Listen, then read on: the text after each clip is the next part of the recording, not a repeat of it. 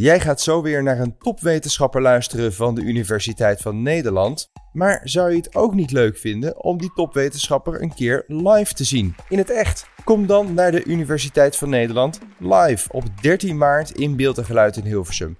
We duiken dan een avond lang in de wetenschap achter media. Het hele programma en kaartjes kan je nu vinden op universiteitvannederland.nl. En voor nu, heel veel plezier met de podcast. Welkom bij weer een nieuwe aflevering van de Universiteit van Nederland. Misschien voel je je wel eens schuldig als je de hele dag films en series aan het streamen bent. Maar dat is eigenlijk nergens voor nodig. Je bent juist supergoed bezig. Wie weet helpt Harry Potter of The Wolf of Wall Street je wel op weg naar een nieuwe baan. Ja, echt waar. Hoe dat precies zit hoor je van Inge Brokerhof van de Open Universiteit. Dit is de Universiteit van Nederland. Mathilda, James Bond of professor Perkamentus. Het zijn zomaar wat personages uit films en boeken die jij vast wel eens gezien of gelezen hebt. Door naar hen te kijken of over hen te lezen, kun je je eens even lekker ontspannen. Maar daar hoeft het niet bij te blijven. De verhalen van deze figuren kunnen namelijk ook nog iets heel anders doen. Iets waar je waarschijnlijk niet elke dag bij stilstaat. Ze kunnen je nalaten denken over je werk en over wat je zou willen worden in de toekomst. In dit college leg ik uit hoe dat werkt. Waar mensen vroeger jarenlang onder één baas bleven werken, wisselen we tegenwoordig vaak van functie en organisatie. Qua carrière is er ook veel meer mogelijk dan vroeger. Je kunt als het ware beginnen als salesmedewerker en na een tijdje alsnog switchen naar een baan als dokterassistent. Dat klinkt heel mooi, maar het brengt ook onzekerheden en vragen met zich mee. Wat wil ik doen? Welke kant wil ik op? Wat zijn nou eigenlijk mijn mogelijkheden? Dat zijn soms best ingewikkelde vragen. En ze horen echt een beetje bij deze tijd. Vroeger koos je een beroep, bijvoorbeeld bakker of administratief medewerker. En dat maakte jou dan voor een groot deel de persoon die je was. We noemen dat dan ook wel je werkidentiteit. Omdat je nu vaker switcht van baan of van werkgever, spreken we nu eerder van een carrière-identiteit. Jouw carrière-identiteit is best complex en bestaat uit jouw dromen en wensen, je talenten en eigenschappen en de verschillende rollen die je moet of wil combineren. Zo ben ik universitair docent. Ik begeleid studenten, maar ik doe ook wetenschappelijk onderzoek. Daarnaast hou ik van schrijven en ben ik graag creatief bezig. Deze verschillende dingen probeer ik in mijn carrière kwijt te kunnen. Door bepaalde keuzes die je maakt, kun je een eigenschap of een passie meer naar voren laten komen. Of je kunt nieuwe talenten ontwikkelen. Op die manier hebben de keuzes die je vandaag maakt invloed op jouw carrière toekomst. Je kunt dat dus zelf beïnvloeden. Maar hoe doe je dat? Uit mijn onderzoek blijkt dat verhalen uit boeken, films en series een grote inspiratiebron kunnen zijn voor de kant die we op willen in ons werk. Je kunt personages uit films, boeken of series gebruiken om verschillende kanten van jezelf te ontdekken. Dat noemen we identity play, omdat het een speels proces is. De schrijver C.S. Lewis zei ooit: In goede literatuur word ik duizend verschillende mensen, maar toch blijf ik mezelf. Via fictieve personages kun je verschillende identiteiten uitproberen en kan je misschien vinden wie je in de toekomst graag zou willen zijn. Misschien zou je bijvoorbeeld wel een bepaalde eigenschap van een personage willen hebben. Denk aan de moed van Harry Potter of het zelfvertrouwen van James Bond. Of misschien krijg je door via de ogen van een personage te kijken wel een hele frisse blik op iets wat in jouw eigen leven speelt.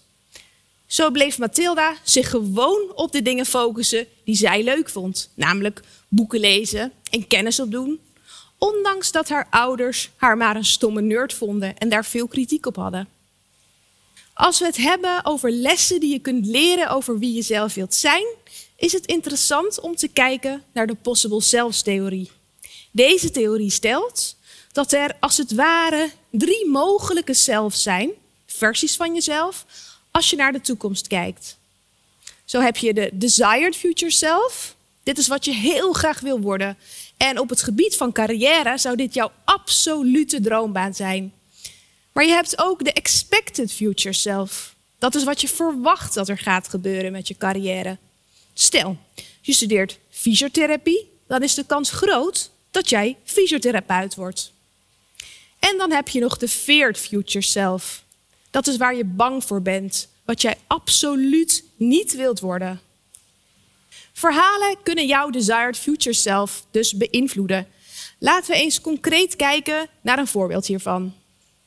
In de afgelopen decennia zijn er veel films gemaakt over Wall Street.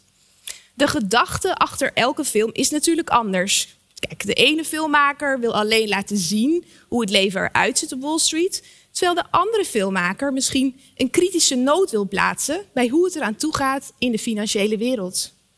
Dat laatste was het geval in de jaren 80 film Wall Street met Michael Douglas in de hoofdrol. De maker van deze film was erg kritisch op Wall Street. Hij maakte in zijn ogen dan ook een activistische film waarin hij mensen wilde laten zien wat een boevenbende het eigenlijk is daar. Maar de reacties op zijn film waren niet zoals hij verwachtte. Met name economiestudenten vonden de film fantastisch en ze gingen allerlei dingen kopiëren. Denk bijvoorbeeld aan kapsels van de personages of de one-liner Greed is good. Oftewel, hebzucht is goed. Het hoofdpersonage werd voor hen dus een desired self. Ze wilden worden zoals hij. Dat vonden mijn collega's en ik interessant. Vandaar dat wij zelf onderzoek hebben gedaan naar een andere film over hetzelfde onderwerp. The Wolf of Wall Street. Dit keer met bedrijfskundestudenten. Hoe reageren zij hierop? Voor de mensen die de film niet gezien hebben, ik zal kort vertellen waar die over gaat, zonder al te veel spoilers weg te geven. De film gaat over een succesvolle, maar ook corrupte handelaar, Jordan Belfort. Hij werkt op Wall Street en heeft een flamboyante levensstijl. Hij wordt rijk over de rug van andere mensen en leeft in een wereld van rijkdom, maar ook van drugs en verslaving. Na de film vroegen we de studenten wat ze ervan vonden. En wat bleek? Ze zagen in Jordan Belfort iemand die ze zelf in de toekomst graag zouden willen zijn. Uit ons onderzoek blijkt dat de studenten Jordan Belfort een week na het onderzoek beschouwden als een succesvolle self-made man. Ze zagen hem als een winnaar. En het is fijn om je met een winnaar te identificeren. Sterker nog, toen we dit verder onderzochten, zagen we zelfs dat mensen na de Wolf of Wall Street tijdelijk een beetje veranderden. Ze namen kenmerken van de persoonlijkheid van Jordan Belfort over. Zo hadden ze minder empathie en minder aandacht voor wat andere mensen nodig hebben. Ze vonden het namelijk moeilijker de emoties van anderen in te schatten. Deze resultaten zijn in lijn met theorie over de psychology of money, de psychologie van geld. Volgens deze theorie krijgen mensen, als ze met geld geconfronteerd worden, tijdelijk minder oog voor anderen en vinden ze zelfredzaamheid belangrijker.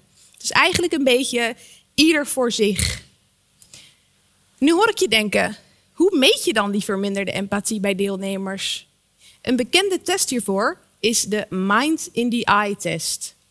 Waarbij mensen bij het zien van iemands ogen moeten inschatten wat deze persoon voelt. Hoe beter je dat doet, hoe meer empathie je op dat moment hebt.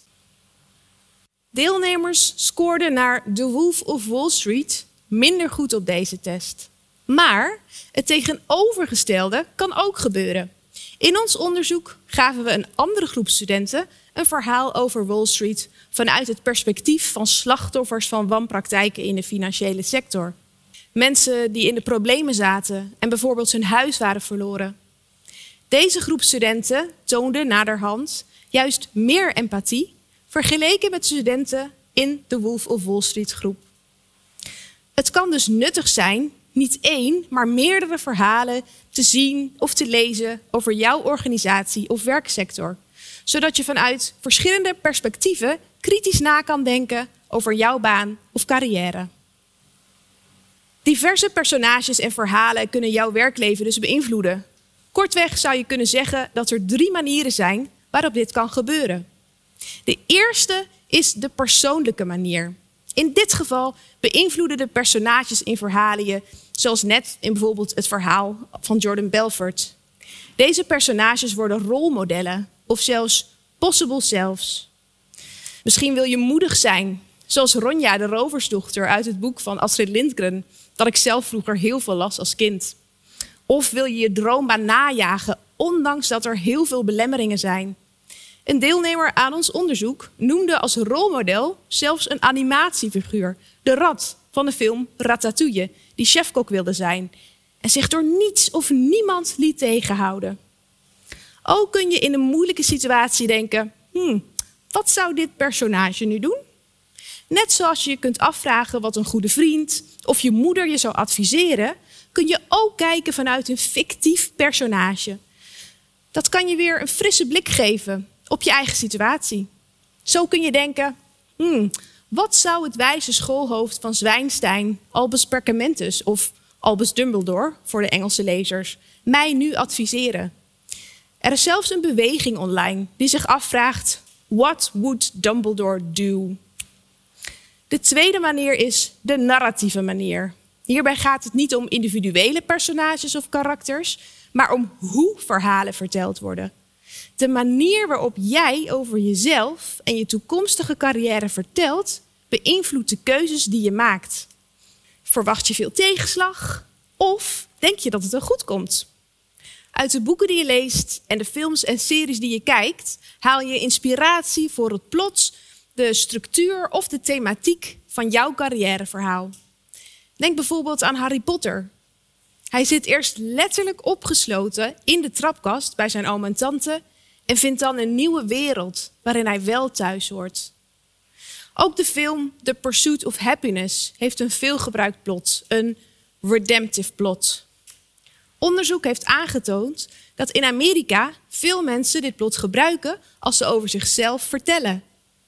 Ze maken allerlei moeilijke dingen mee, maar uiteindelijk overwinnen ze alles en hebben juist die moeilijke tijden bijgedragen aan hun huidige succes. Kijk maar eens naar een Amerikaanse talentenjacht. Bijna elke kandidaat heeft zo'n verhaal. De derde manier is reflectief. Deze is wat complexer en komt minder vaak voor. Bij de reflectieve manier kijk je als het ware vanuit een helikopterperspectief naar jezelf. Je denkt diep na over wie je bent en wat je wilt in het leven. Dit gebeurt vooral bij verhalen die je uitdagen of verrassen. Dat gebeurt vaak niet bij de films of boeken waarbij je even lekker achterover hangt om te ontspannen en te ontsnappen aan de werkelijkheid. Nee, deze reflectie vindt vaak pas plaats bij complexe verhalen of verhalen met een twist. Het korte verhaal Blessed Assurance van Alan Gorganes zette mensen op deze reflectieve manier aan het denken. In dit verhaal kijkt de hoofdpersoon, Jerry, terug op de periode waarin hij 19 was en werkte voor een immoreel bedrijf dat begrafenisverzekeringen verkocht aan mensen in een arme wijk. Uiteindelijk maakte hij een keuze waar hij jaren later, aan het einde van zijn carrière, nog steeds met een enorme knoop in zijn maag op terugkijkt. Mensen die dit verhaal lazen, gingen over zichzelf nadenken. Hoe kijk ik straks terug op mijn loopbaan? Wat wil ik hebben bijgedragen aan de wereld? Ze reisden als het ware even mentaal in de tijd en kregen daardoor nieuwe ideeën over hun huidige studie, werk of loopbaan. Goed, terugkomend op de beginvraag. Hoe helpt Harry Potter je aan je droombaan? Zoals je nu weet, kan dat op verschillende manieren. Misschien inspireert Harry's personage je wel. Zijn moed en zijn doorzettingsvermogen bijvoorbeeld. Of helpt het plot uit de boeken en films jou om, net als Harry, iets heel anders te doen dan er van je werd verwacht in een omgeving waarin je als kind opgroeide.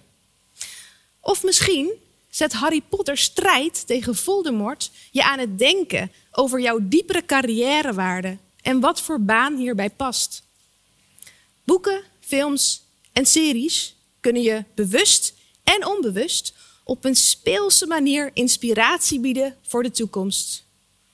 Dus wie weet, brengt jouw volgende boek of film wel hele verrassende wendingen met zich mee. Dat was Inge Brokenhof. Heb je nu nog steeds geen idee voor je volgende carrière move? Luister dan onze andere afleveringen. In een van die honderden podcasts vind je vast wel inspiratie. Tot de volgende!